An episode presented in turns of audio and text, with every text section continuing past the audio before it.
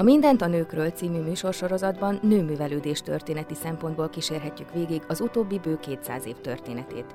Igyekszünk felragyogtatni az elfeledett alkotónők arcélét, vagy árnyékban élő nőkről beszélünk, és olyan mozgalmakról, amelyek a női művelődést segítették elő.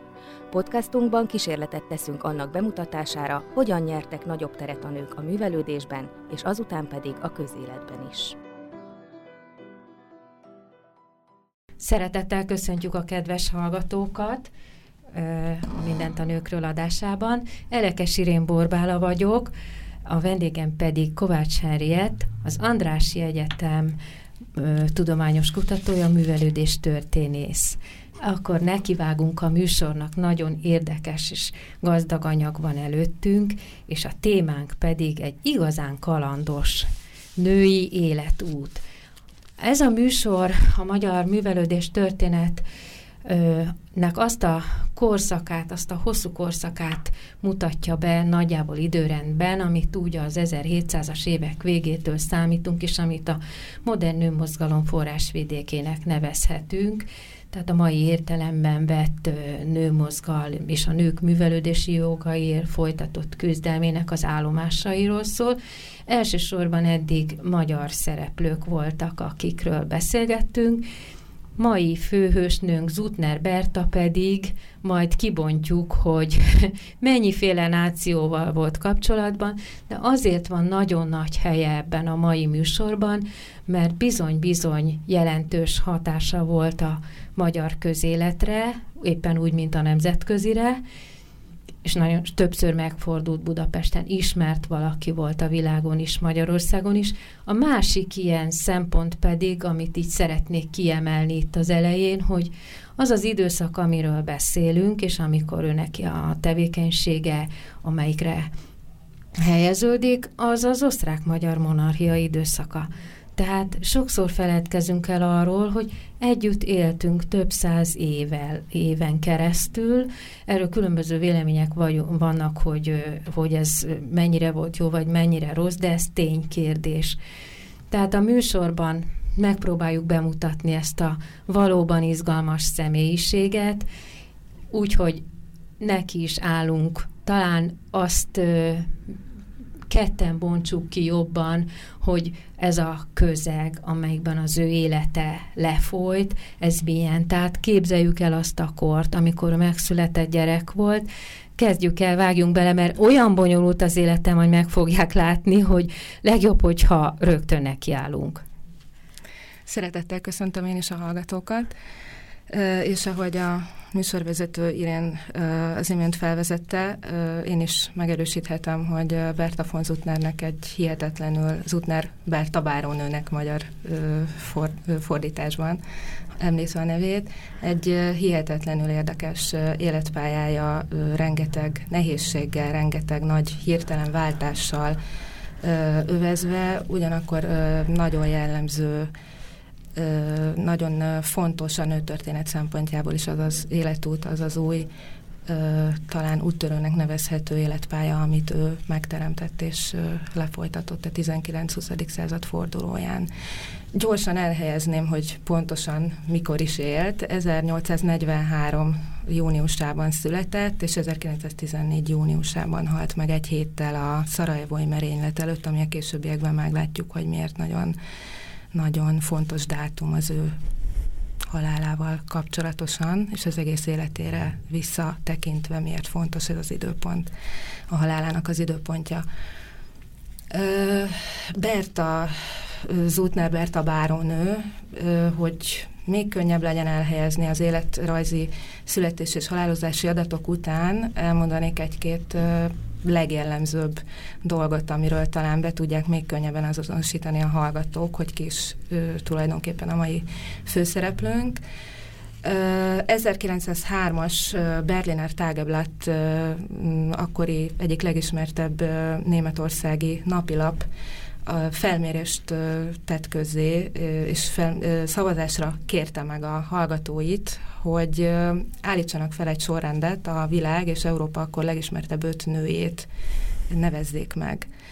és egy nagyon érdekes, nagyon tág felmérés eredményeként egy nagyon érdekes eredmény született, amiben Berta von Zutner, Zutner Berta bárónő került az első helyre, tehát 1903-as adatok szerint ő volt akkoriban a világ és Európa ezen felmérések, német nyelvterületen folytatott felmérések alapján a legismertebb szer, ö, női alakja. Ö, olyan személyiségeket utasított maga után, maga mögé, mint Sarah Bernard, az akkori egyik legjelentősebb, legismertebb színésznő, akinek a neve valószínűleg sokkal inkább ö, ismerős a hallgatók számára valamint a harmadik helyen állt Eleonore Duse, szintén egy nagyon jelentős olasz származású színésznő a korszakban. A negyedik helyre került Carmen Silvia, az akkori román királyné, aki irodalmi körökben nagyon elismert és nagyon ismert szerző volt, és az ötödik helyre került Carmen Silvia után az osztrák nyelvterületen, Ausztriában legismertebb Mári Ebner Eschenbach irodalmár nő ebben a sorrendben. Tehát ez mutatja a, azt, hogy a korszakban mennyire ismert volt Berta von Zutner, miközben, amiről igazából ma ismerik leginkább a német nyelvterületen, 1905-ben kapta meg a béke Nobel-díjat, tehát ezt akkor, a korban még 1903 nem, még nem befolyásolta, nem, volt, nem befolyásolta ezt az ismerettségi ö, szintet, így tehát ebből is látható, hogy, hogy egyéb tevékenységei alapján már nagyon ismert volt a korszaknői Most felvillantottuk, felvillantottuk életének a, a csúcspontját jelentő éveket, és ez már igazából nagyjából az élete vége felé volt. Ez így egy nagyon jó, hogy így én média stresszbe kerültünk ide, akkor most rajzoljuk meg, hogy honnan is indult egy ilyen óriási magaslatot elérve nő létére. Hát igen, nagyon-nagyon érdekes életút tehát járt be, ahogy már a, a legelején is említettük. 1843. júniusában született a prágai Kinszki palotában, a Kinszki egyik legjelentősebb cseh grófi család gyermekeként. Ugyanakkor hát a születése pillanatában már meghatározó volt az egész későbbi helyzet, élet helyzete, ugyanis a, az édesapa Franz Kinski gróf, udvari kamarás és magasrangú katonai vezető a, a ausztriai birodalmi hadseregben, Ekkor a lánya születésekor már pár hónapja halott volt, és egyébként pedig 73 évesen vette feleségül, két évvel Berta születése, Berta von Zutner születése előtt az édesanyját, aki 20 éves volt akkor, Sophie Körner nevezetű hölgyet, aki egy lovaskapitány lánya volt, és hát ebből is azonnal érződik, hogy ez egy mezalian. Itt ez egy, egy nagyon-nagyon erős mezalianszról van szó és ezzel megpecsételődött tulajdonképpen a Berta Kinski grófnő további élete jelentősen. Tehát ebben a korban, hogyha előfordult egy ilyen, hogy hirtelen az édesapa meghalt, ez még főúri körökben is problémát okozott sok esetben. Nem egy ilyen De... kétes házassági helyzetben, amikor ugye az édesanyja jóval rangon aluli volt, és ezáltal maguk az utódok sem örökölhették a teljes ági helyzetet, tehát mellék ágon öröklődtek tovább tulajdonképpen a családban, és mellék alacsonyabb rangúnak számítottak a családi ranglétrán is. Ugyanakkor nem csak a családi ranglétrán, hanem általánosságban a, a magas előkelő arisztokrata társaságból igazából kizáródtak ezáltal. ezáltal. A, a családi helyzet háttér által. Itt még az édesanyjának a személyisége is nem sokat, de valamit vethetne alatba. Nem tudom, hogy, hogy ezzel hogy állunk, hogy hát. ezt a helyzetet különbözőképpen tudta volna egy, egy különböző jellemű ember megélni. Mit tett ő?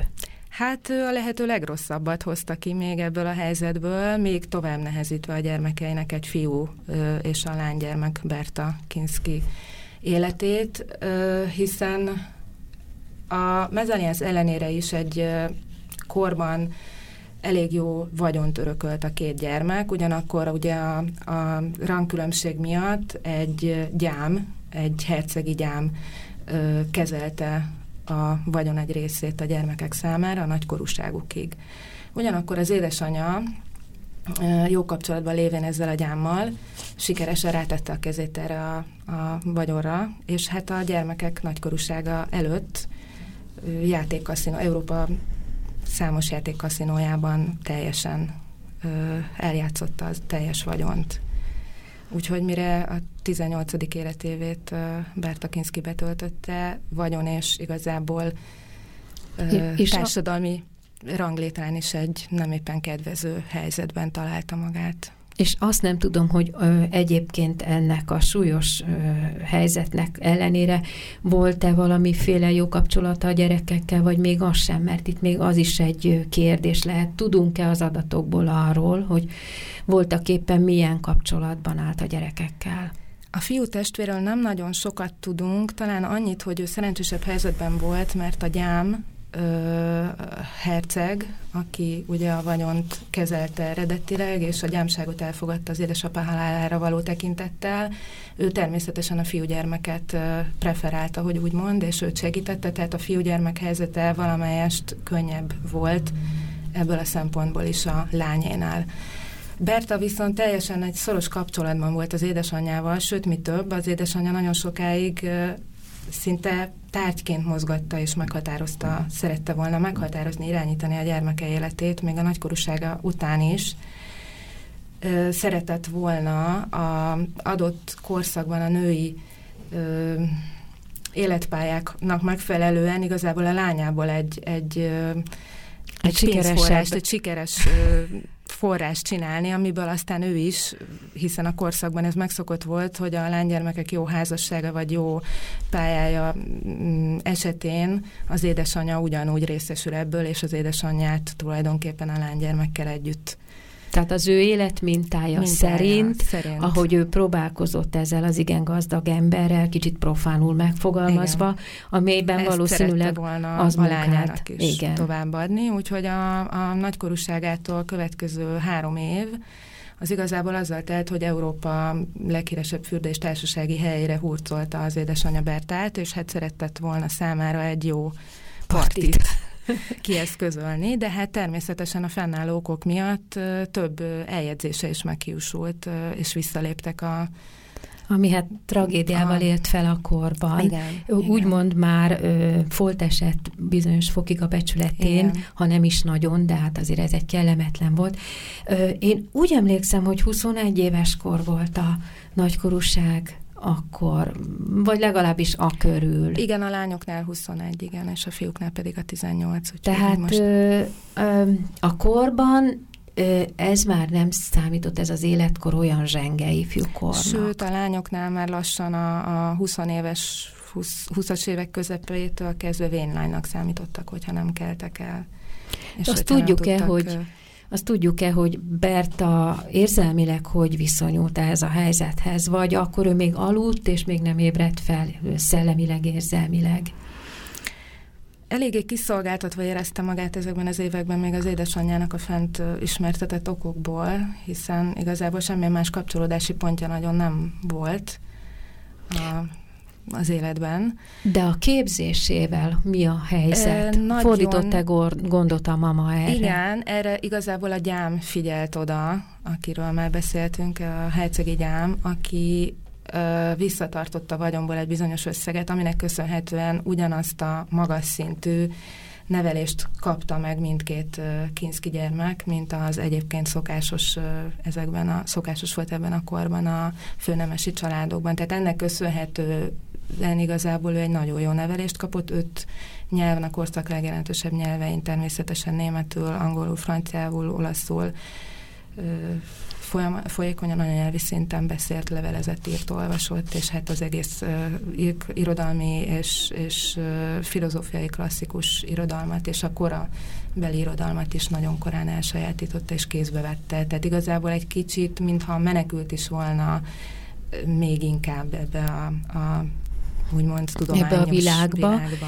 Azon kívül lát, láthatunk róla ábrázolásokat, képeket, és szép is volt. Igen, egy nagyon-nagyon mutatós hölgyről van szó, aki ezt fokozatosan tudatosította is magában és a későbbi életpályáján, amikor közéleti szereplő vált, akkor ezt tudatosan használta is, és, és a, próbálta a, a céljai érdekében kihasználni.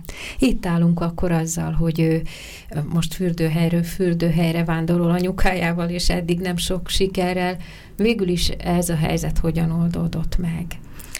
Ez a helyzet igazából még teljesen nem oldódott meg, hanem tovább folytatódott ez a vándorlás, majdnem 10 évig, egészen 30 éves koráig, mert az édesanyja miután nem sikerült a, egy jó partit találni, és minden meghiúsult, és egyre inkább nehez, nehezedett ez a helyzet, egy újabb karriert álmodott meg a lányának, és úgy gondolta, hogy akkor, ha a házassági piacon nem, akkor valamilyen olyan foglalkozás terén, amivel aztán nagyon híres lehet, és hát ezt az operaéneklésben vélte felfedezni, egyáltalán nem lév, volt tekintettel arra, hogy egyrészt ez már egy 21-22 éves lánynál elég késői egy ilyen pályára lépni, és elkezdeni annak ellenére, hogy természetesen nagyon jó zenei nevelést berészesült a korábbi életéveiben is, és hát nem mellékes az a szál sem, hogy ehhez egy nagyon nagy adag tehetség akkor is ugyanúgy szükséges volt, mint ma, hogy valaki ezen a pályán egyedülálló karriert tudjon befutni. De hát e, ezen a szinten, ahogy ő képzelte, talán még a mainál is erőteljesebb és jól kiképzett hang is kellett volna, igen, amelyik igen. bírja azt a hihetetlen megerőltetést, hogy igen. mikrofon híján betöltsön egy nagy teret. Igen. Azért ő hűségesen ezeket az iskolákat is járta, és ezekben Amin a képzésekben is? 30 éves koráig alávetette magát, és nagyon keményen napi szintű zenei képzésben vett részt, hangképzés és minden, ami ehhez tartozott, és emellett továbbra is utaztak Európa szerte, Európa nagyvárosaiba, aminek később legalább annyi előnye lett a hátrányok, az említett nehézségek mellett, hogy minden probléma ellenére azért mégis ismerettségi viszonyba és néha baráti kapcsolatokat is sikerült kialakítani a felsőbb körökkel, aminek később azért hasznát veszi a későbbi életpályára. És hát bizonyára során. talán világlátás is Igen, a, arra is nemzetközi, igazából az ő kozmopolita látásmódja és életmódja már ekkor is itt gyökerezik ebben a vándorló életmódban, hogy úgy mond.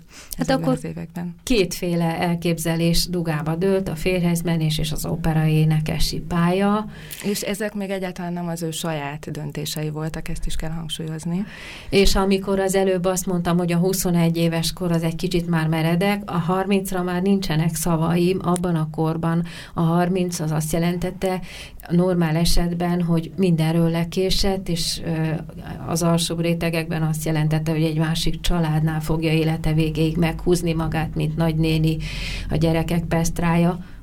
Ugyanakkor vele nem ez történt. Hogy létezik ez? Igen, hát itt csak példaként említeném a Jane Austen vagy Bronte testvérek kora, egy kicsit korábbi, de hasonló témájú regényeit, amikből ugye ismerhetjük ezeknek a nőknek a sorsát a korszakban, ami még a 19. század közepén is eléggé jellemző volt, hogyha nem sikerült sem jó partit, sem további pályát, pályát találni, ami ugye nagyon nem mm, volt nyitott a nőknek ebben a korszakban, nagyon kevés lehetőség adódott a nőknek egyáltalán, hogy saját magukkal megélhetést biztosítsanak maguknak, akkor maradt, hogy valamilyen rokonnál, vagy az édesanyával együtt valamelyik rokon jó vagy rossz szándékára utalva tengődik le a további életüket. És mindenképpen méltatlan Méltatlanul. Helyzet. Igen, és uh, itt következik az első, a Bertára nagyon jellemző a később életében egy nagyon hirtelen, szinte huszárvágásszerű döntése a 30 éves korában, amikor azt mondja, hogy ebből most elég, és mindenféle példa nélkül ő beleugrik tulajdonképpen a sötétbe, mert nem áll előtte példa az ő közvetlen környezetében sem, meg egyébként sem a korszakban, hogy egy nő ezzel a helyzettel tudott -e egyáltalán valamit kezdeni, úgyhogy ő teljesen maga indult el ez irányban, és úgy döntött, hogy akkor a másik lehetséges utat, ami még nyitva állt a, ekkor a hölgyek számára, a nevelőnői pályát próbálja meg, hiszen nagyon jó képzettséggel és előismeretekkel rendelkezett, ugyanakkor ez bizonyos szinten még inkább egy lejjebb lépés és beletörődést is jelentett az ő addigi Éppen ezt akartam mondani, hogy mondjuk nem a karrier csúcsa volt már nem, akkor sem, különösen nem. akkor, hogyha elvileg teljesen másképp indult születésekor az élete. Most meghallgatnánk az első zenénket, hogy egy kicsit rendezzük gondolatainkat. Thank you.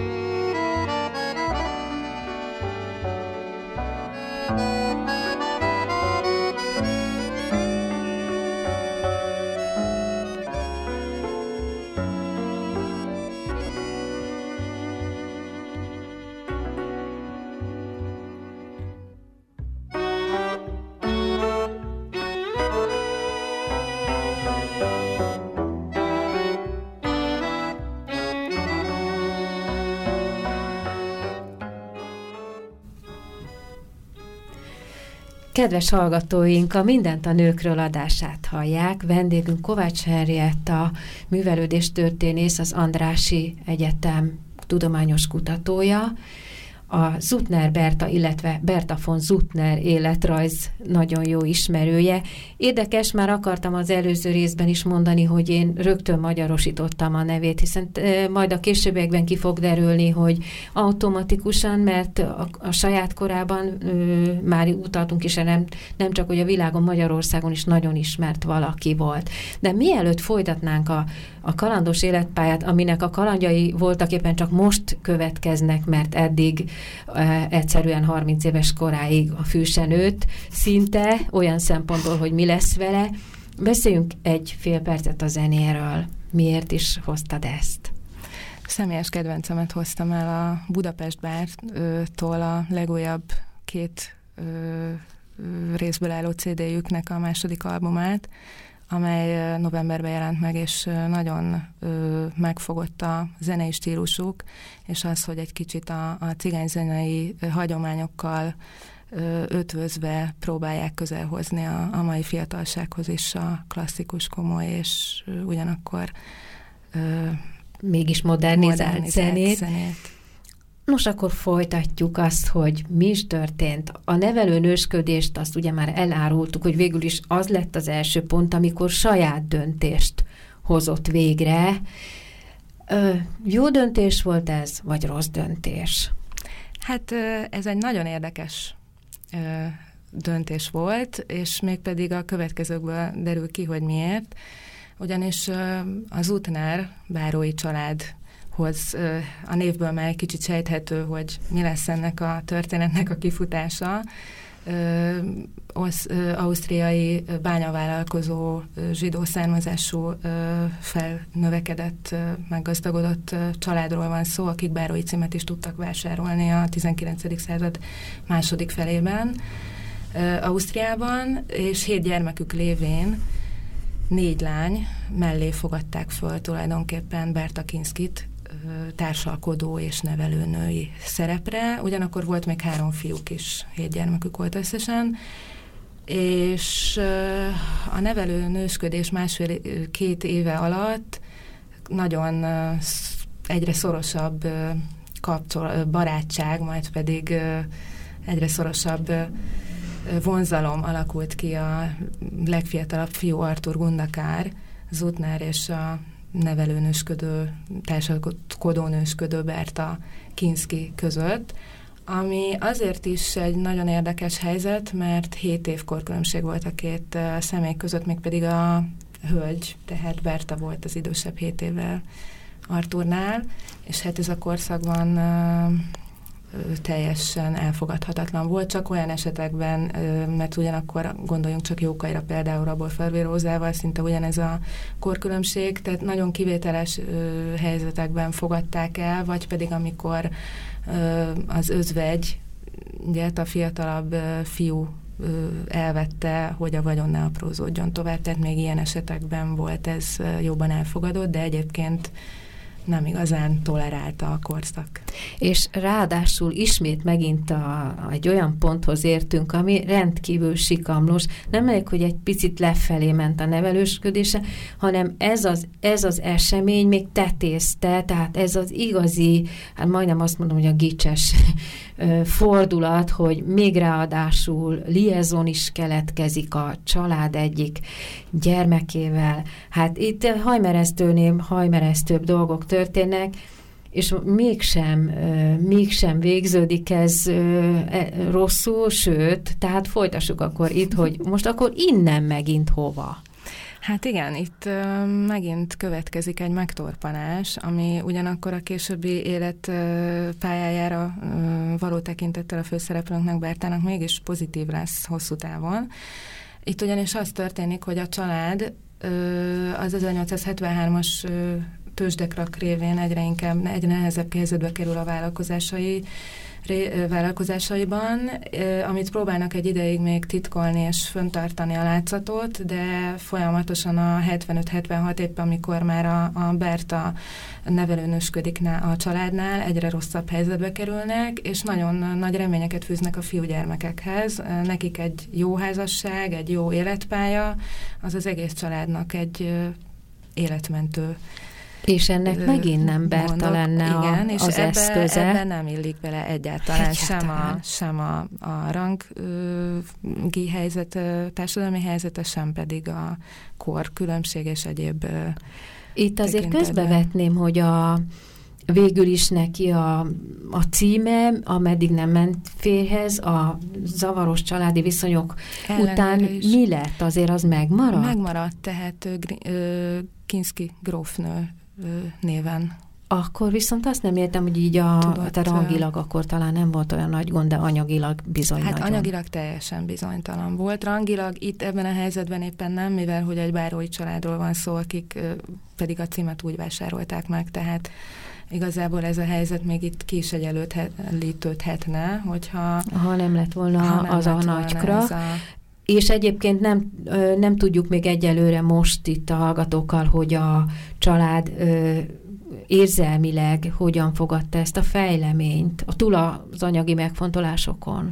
Hát teljes elutasítás fogadta a fiataloknak ezt a bimbózó kapcsolatát az útnár család köreiben, Ugyanakkor próbálták ezt is finoman, hogy úgymond finom módszerekkel megoldani, és nem tették azonnal utcára Bertát, hanem a, a Zutner Báróné, az édesanyja, egy hirdetést a Neue Freie Presse, akkori uh, ausztriai egyik vezető lap egyik álláshirdetését tolta elé, ami megint csak a korszakban nagyon szokatlan, és még szokatlanabb az, hogy Berta aztán el is, uh, meg is pályázza ezt az állást, ami tulajdonképpen egy uh, ugyancsak egy hihetetlen uh, fordulat lesz az életében, mert uh, az uh, hirdetés az úgy szól, hogy egy önmagát nem megnevező, jómódú uh, középkorú gazdag, jómódú üzletember Párizsban keres egy jól képzett, művelt, több nyelven beszélő titkárnőt az üzleti és egyéb háztartási kiterjedt ügyeinek az intézésére.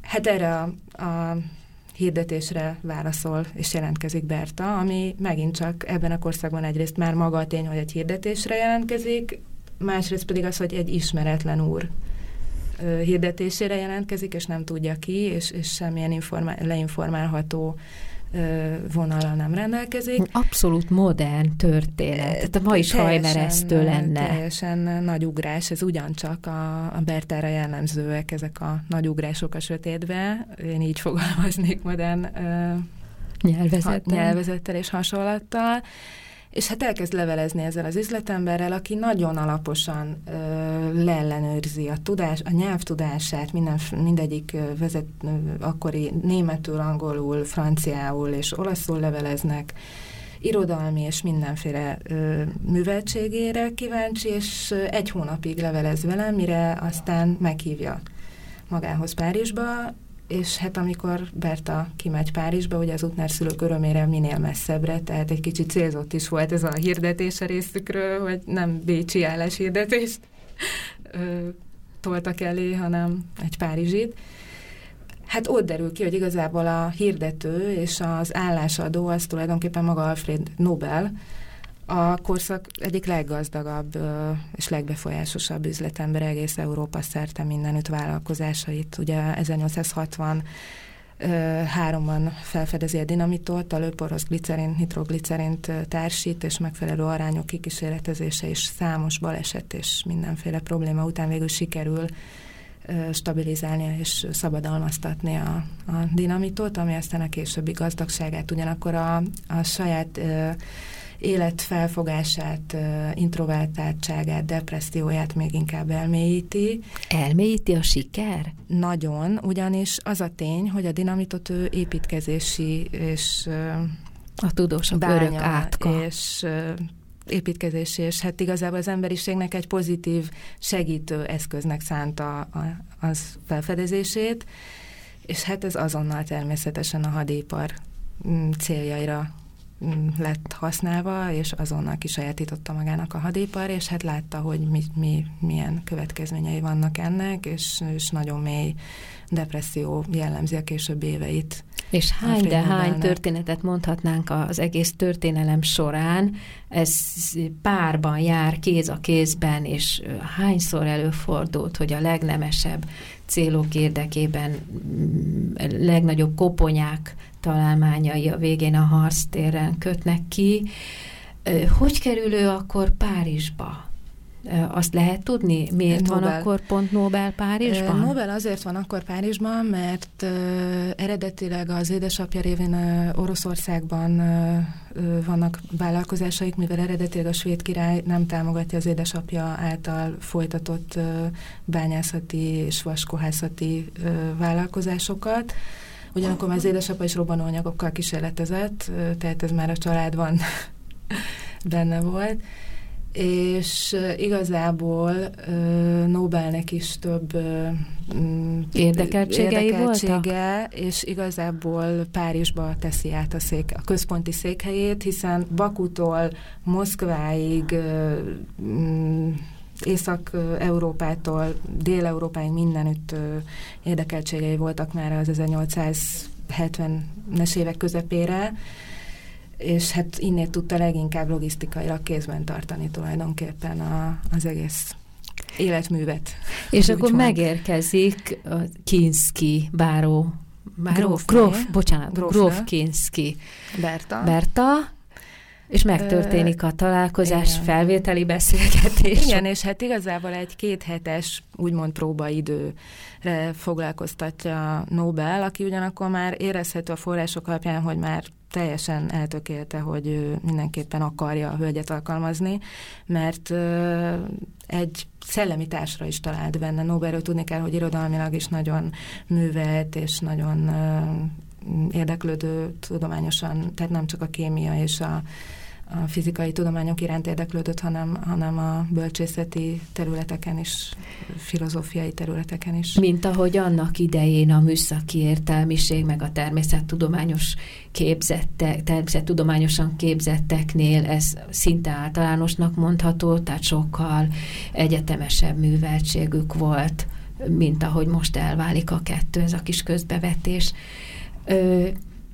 És végül is a, a boldogító igent azt két hét múlva mondja, meg a fiatal... Igazából már közben megmondja, és egy nagyon jó ö, lehetőséget, anyagi és mindenféle biztonságot kínál föl ö, Bertának. Ö, saját lakást a, a háztartásán belül és saját rendelkezési jogot tett. Igazából annyira meggyőzi már a, kor, a megerőző levelezés, és aztán a személyes találkozás is Nobelt, amiből aztán több szerző a később években le is vezeti egy szerelmi szállat Nobel révén, Nobel oldaláról, Berta iránt, ami természetesen ugye a frissen megszakadt szerelmi kapcsolatból kilépő Berta számára ha belegondolunk nőként ebben a helyzetben, nem nagyon volt éppen ő erre nyitott, úgyhogy ezzel is magyarázhatjuk, hogy akkor ő, ő egy ilyen helyzetet nem, nem került konkrétan kimondásra a Nobel részéről sem ez a vonzalom, de ez eléggé nyomon követhető a későbbi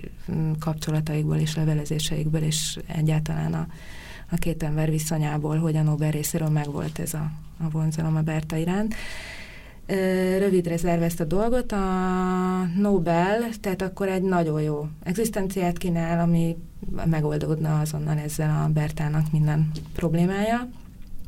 Ugyanakkor el kell menni üzleti ügyben Svédországba, és hát közben ott maradt két hétre Zutna, Kinski Berta, akit közben ostromol levelekkel a régi kedves Bécsből, Arthur Zutner, és nem tud ellenállni természetesen, úgyhogy vissza megy és felad mindent Párizsban. Egy hónapos tartózkodás után Bécsbe, 1875 végét írjuk, és titko, titokban házasságot kötnek Bécsben. Arturral minden, minden pozitív meggondolást hátrahagyva, és mérlegelést hátrahagyva, és egy újabb uh, ugrás következik a sötétbe, ketten elindulnak, mivel hát a család felé ugye ezt nem lehet ezt a kapcsolatot legalizálni, elfogadtatni, ezért a szökés mellett döntenek, és meg sem állnak Grúziá, mai Grúzia területeig, a Kaukázusban kötnek ki Tbilisi-ben ugyanis itt mondanám azt ugye, hogy a Bertának nagyon jó társadalmi barátságai, kapcsolatai alakultak ki a korábbi években az utazások során, és például egy nagyon jó baráti viszonyba került a minglériai nagyherceg nővel, Dadiani nagyhercegnővel. Ez a Mingléri, ez Kaukázus, mai Grúzia nyugati területének egy tartománya, akkoriban már 1850 háromtól orosz védnökség alá tartozott, de a hercegi család megtarthatta a saját birtokait a területen belül, de igazgatási jogkörük már nem volt. És hát igazából erre számított az útnál házaspára az ő jó szándékukra és az ő támogatásukban bízva ment mentek Tbilisibe, és azt remélték, hogy esetlegesen a Dadiani nagyhercegi család révén bejuthatnak a cári udvarba, és ott valamilyen állást kaphatnak majd. És ez így történt? Hát nem így történt, ugyanis megérkeztek 1876-ban Tbilisibe, és 77 tavaszán kitört az orosz-török háború, ami ugye az orosz birodalom, oszmán birodalom elleni harcát jelenti, a meggyöngült oszmán birodalom ellenében még inkább érdek területeket is szeretett volna az orosz birodalom szerezni, és hát teljesen ez a terület volt a felvonulási terület és a harci vonalaknak a központja, ahol ők És ott álltak és gyakorlatilag ott álltak semmi nélkül. Semmi nélkül, és itt aztán igazából csak magukra voltak hagyatkozva, és itt megint egy szinte mai 20 21. századi életpálya következik. Itt találták meg, hogy ők tulajdonképpen mit is, mire képesek, mit tudnak kihozni magukból. Ezt közösen? Közösen, közösen egymást támogatva. Egyrészt tan- ö, oktattak, magánórákat adtak ö, ottani magasabb ö, családok gyermekeinek, ö, nyelveket, zenét, ugyanakkor a férj ö, építészetet is teljesen autodidakta módon tervezett ö, egyre nagyobb épületeket ott Bilisiben, és, ö, és utána mm, hát a háború borzalmai közepette néha éheztek is, tehát nagyon nehéz helyzetben voltak, és elkezdtek európai lapoknak írni tulajdonképpen. Abszolút modern német, német, először németországi lapoknak küldtek haditudósításokat a harci eseményekről, amire ugye akkor nagy kereslet volt, és ebből tudták fenntartani magukat. És ebből az írói, tudósítói tevékenységből aztán áteveztek az írói pályára is, rájöttek, hogy ebben is éreznek, ehhez is éreznek indítatást magukban, úgyhogy kisebb novellák, majd pedig regények is következtek. És mindketten? Az években, mindketten párhuzamosan. A haditudósításokat eleinte Artur a férj írta, de aztán mindketten kisebb novellákat kezdtek küldeni az európai lapoknak. Hát a bonyolult történetnek egy megint érdekes részénél pihenjünk meg egy kis zenével.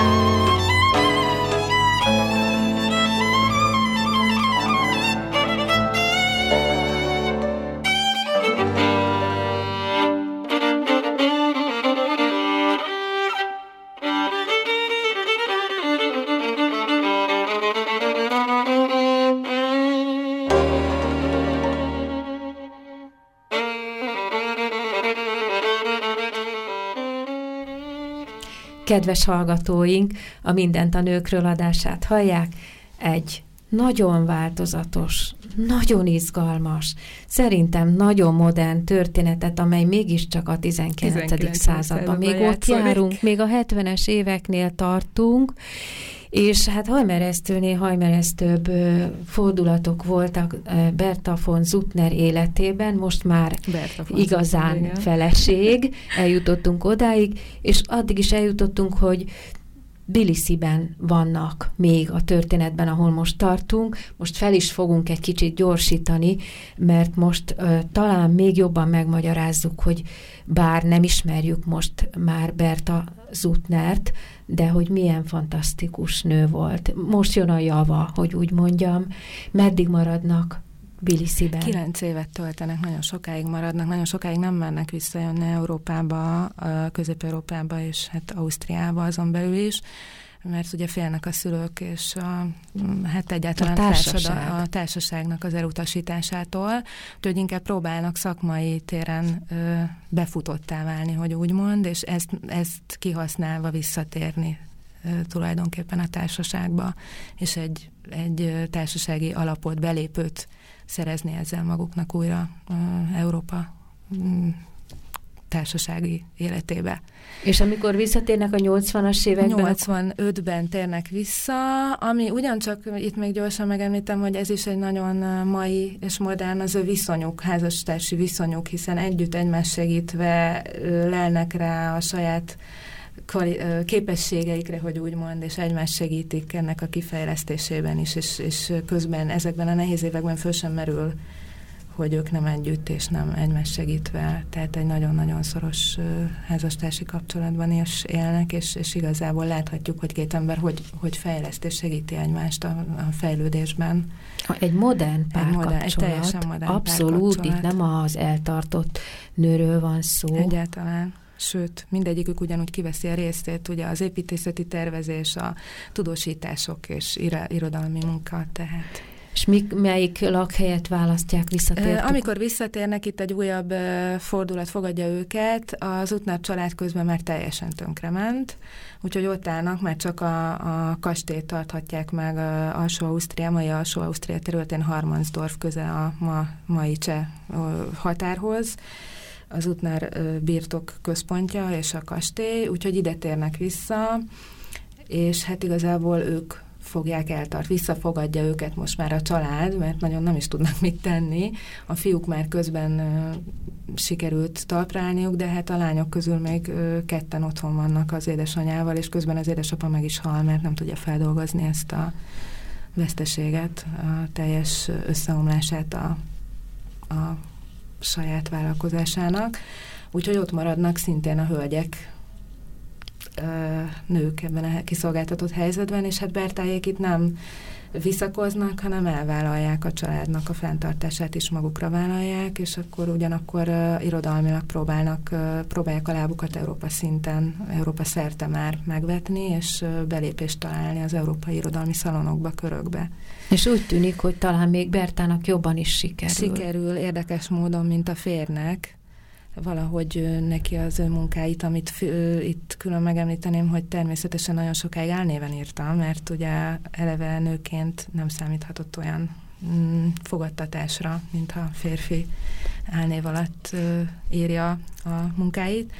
Úgyhogy visszatérve 86-ban találkozik igazából egy irodalmi, Párizsi irodalmi szalomban magára a béke mozgalommal, a polgári béke mozgalomnak az akkori angol egyesületi életéről hallott leginkább legújabb információkat Párizsban, az irodalmi, egy irodalmi, ismert irodalmi szalomban, ahol a férjével megfordulnak, és éppen akkor ő egy ö, ö, gépkorszak nevezetű művet, ö, egy eszé sorozatot ö, jelentett meg szintén álnéven, amiben be is vezet, a bevezetőben leírja, hogy azért álnéven jelenteti meg, mert hogyha valódi nevét felfedné, akkor ezt a ö, politikai, társadalmi, filozófiai e, eszmafuttatásokat, eszéket tartalmazó művet nem fogadnák el nagyon sokan, és egyáltalán kézbe sem vennék, már csak amiatt, mert egy nő írta a korszakban. És mikor kerül sor arra, ami az ő legnagyobb és legismertebb műve, a ezek után itt ugye Párizsban kapcsolatba kerül az ESZ magával a békemozgalommal, ami ekkor 46 évesen teljesen elkötelezi magát azonnal. Úgy érzi, hogy, hogy ez az ő hivatása, és végre rátalált arra az útra, amit egész életében keresett, és ami, ahol leginkább ki tudja magát fejezni, és leginkább a önmaga tud lenni, és önmagát tudja ö, megvalósítani, és ugyanakkor egy, egy nagyon értelmes ö, célért tud küzdeni. A, a békemozgalom a pacifizmus gondolata kapcsán, és itt az említett Gépkorszak nevű művéhez, amit 86-ban ki is ad, hozzácsatol egy pótfejezetet a békemozgalomról, és maga pedig így nyilatkozik, hogy nem az eszme, e, nem én találtam rá az eszmére, hanem az eszme talált meg engem. Tehát ezt egy ilyen nagyon nagy fordulatnak nevezi az életében, és ettől kezdve az egész életét teljesen a nemzetközi békemozgalomnak ö, szenteli, és hát a legbefolyásos, legmagasabb szintű vezetője lesz tulajdonképpen a nőként a nemzetközi békemozgalomnak, a teljesen férfi társaság van, akik ebben részt vesznek. És a LEA fegyverekkel. A LEA fegyverekkel, amit aztán ennek hatására a benyomásai és elhivatottságának megtalálása következtében úgy érzi, hogy neki most egy olyan művet kell, alkotnia, amivel aztán teljesen közérthetően fel tudja hívni, leghatékonyabban felhívni az egész olvasóközönség legszélesebb körök közül vélemény figyelmét magára az eszmé, a béke gondolatra. És ez biztosan tudjuk, hogy ez nagyszerűen sikerült neki. Most itt mondhatunk lenyűgöző számokat, amiket én nem nagyon tudok, de hogy sok nyelvre lefordít. Hát a korszak legismertebb művelet 1889-ben adta ki, itt is egy nagyon érdekes adalék, szinte rengeteg adalékot tudnék mondani. Nagyon sokat kellett küzdeni a kiadásért, tehát ez a Le a fegyverekkel Diva Fennider című mű, ami egy nőregény keretbe ágyazott programmű, tulajdonképpen irányregény a békemozgalom, a pacifizmus gondolatának szentelve, és hát természetesen nagyon nehezen talál kiadót, egy évig keresi, de nem adja föl. Meg akarják változtatni a címet, nézesse át katonai szakértőkkel, politikusokkal, írja át, húzza ki a szokásos történetek, és ő nem hajlandó ezeket megtenni. Eleve kimondja, hogy ez a három szó, ami a címbe van, ez maga a program, maga a cél, tehát ha ő ezt megváltoztatja, akkor az egész könyvet kidobhatja tulajdonképpen, mert hogy akkor nincs értelme miért megjelentetni. És hát addig kilincsel, amíg sikerül egy kiadót találni a Lipcsében, és megjelenik a könyv, ami aztán hatalmas siker lesz. Eleinte még nem ö, kerül akkor a pub, nem kap akkor a publicitást, mindaddig, amíg ö, több ö, politikus fel nem hívja rá a parlamentben is, a egyes parlament, országos parlamentekben a figyelmet. És hát maga Tolstoy, ezzel mindent elmondunk tulajdonképpen a jelentőségéről a műnek. Sok adatot tudnék idézni, hogy hány kiadás, 37 kiadás ért meg, 12 nyelvre csak a, a Berta von Zutner életében lefordították, azóta pedig 37 nyelven megjelent már a világon. Tehát Későbbiekben filmadaptáció. Ada, rengeteg filmadaptáció, hát nem egy 5-6 darab, már csak a két háború között is, és azóta is több tehát, és maga Tolstoy így jellemzi, és így ír a szerzőnek gratuláló sorokat, hogy ön a békemozgalom Harriet Baker Stowe-ja. Ugye tudni kell Harriet Baker Stowe-ról, hogy ő a rabszolga felszabadítás ügyét indította el tulajdonképpen, és mozdította el a holdpontról a Tom, Tamás bátyja Kunyhója című ugyancsak irányregényével. És, és mivel nagyon kevés az időnk, ezért hát mondhatnánk még az életéből nagyon érdekes epizódokat, de én az, azt szeretném most, amit az elején ígértem, kihozni, hogy végül is ö, magyarországi kapcsolatai milyen fontosak a számunkra. Igen, itt indul be aztán ezzel a regényel és ennek a fogadtatásával az ő igazi karrierje, hogy úgy mond, közéleti szerepléssel, közéleti porondra lép fel, tulajdonképpen ami akkor ugye nőként semmilyen más keretben nem volt lehetséges, és ő itt is egy úttörő szerepet vállal, amikor megtalálja ezt az emancipációs lehetőséget, hogy nőként egy politikai, de ugye politikai karriert nem tudott magának teremteni ebben a korszakban, de egy közéleti szerepvállalás irányában tágítani a kereteket és kilépni a, a közéleti szintére, ami itt nagyon jelentős, és hát így ö, alakítja meg a német és osztrák-magyar monari és a német nyelvterületen az egyes országos békeegyesületeket, ahol ugyanúgy rengeteg ellenállás fogadja, és hát így jut el oda, hogy Magyarországon is jókaival veszi fel a kapcsolatot, mert ugye a Nemzetközi Békemozgalom egyik nagyon jellemzője, ami egyébként a 19. század első felébe indul el, de igazából nagy ö, jelentőségre és felfutásra a 19. század második felében és a vége fele 89-től kezdve ö, indul be igazából a mozgalom, és válik nemzetközivé és igazából mindenütt a, az leghíresebb bírókat, közéleti szereplőket kérik fel a mozgalom képviseletére, ezzel próbálva meg a legnagyobb publicitást, a legnagyobb ismertséget szerezni a mozgalomnak. Így találja meg jókait Magyarországon Berta Fonzutnár.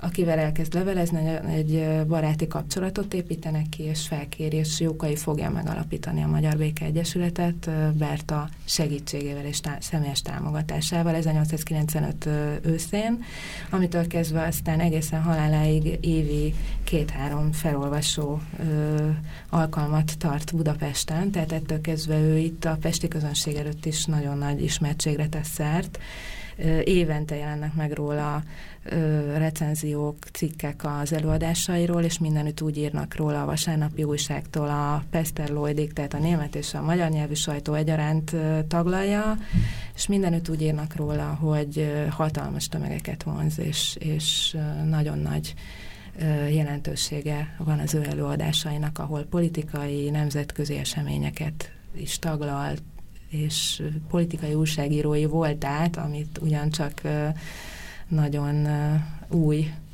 vonalként vezetve nőként, és itt is úttörő ebben a, ezen a vonalon nem tagadja meg, és, és ezt is beviszi ebbe a, a békemozgalmi munkába.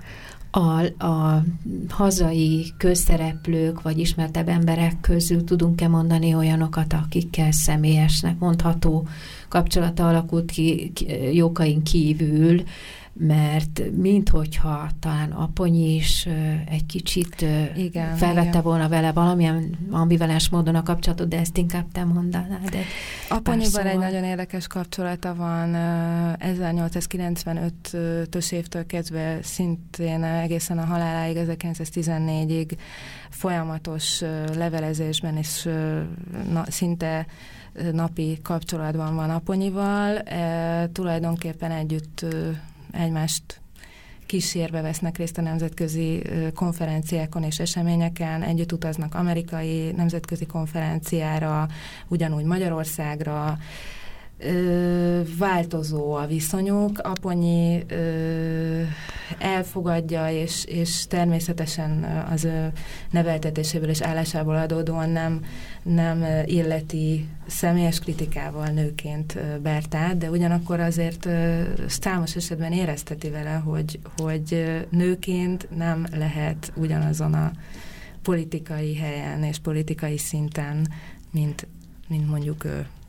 A másik apró nem apró, nagyon nagy jelentőségű, de csak szavakat tudunk rá fordítani, hogy nagy rajongója volt Schwimmer Róza, aki aztán később a századforduló után az ő hatására a Feministák Egyesületét alapította meg, illetve hát az ő rajongásából kifolyólag lépett ilyen közéleti pályára, tehát befejezésül annyit mondhatnánk, hogy végig szaladtunk ezen a káprázatos életen, Berta von Zutner karrierjén és világhírén. Szóval Én azt hiszem, hogy máskor is el kell, hogy gyere, mert mert nagyon sok minden kimaradt, de egy korát megelőző, nem tudom, talán az utolsó mondatot te mondanád, egy Hát mondatot. mindenképpen a korát megelőzte, ugyanakkor, ahogy az elején említettem, a beszélgetésnek döntő volt a halála dátuma, tehát egy héttel a szarajevói merénylet előtt, hiszen az egész életét a békének, a béke fenntartásának, a béke megteremtésének, a békér való küzdelemnek szentelte. Nagyon sok kétsége volt, végig érezte, hogy, hogy mik a problémák és az ellentmondások, a nehéz nehézségek, hogy ez egy idealizmus, a szó pozitív értelmében ez az ügy, amiért ő küzd, de legalább ezzel a, halálá, a halálának az időpontjával nem kellett megérnie, meglátnia a teljes összeomlást, amit persze tudott előre, és látott, és, és Köszönöm, hogy itt voltál, köszönöm a hallgatóknak a figyelmet, a Mindent a nőkről adását hallották a Viszont hallásra. Viszont hallásra.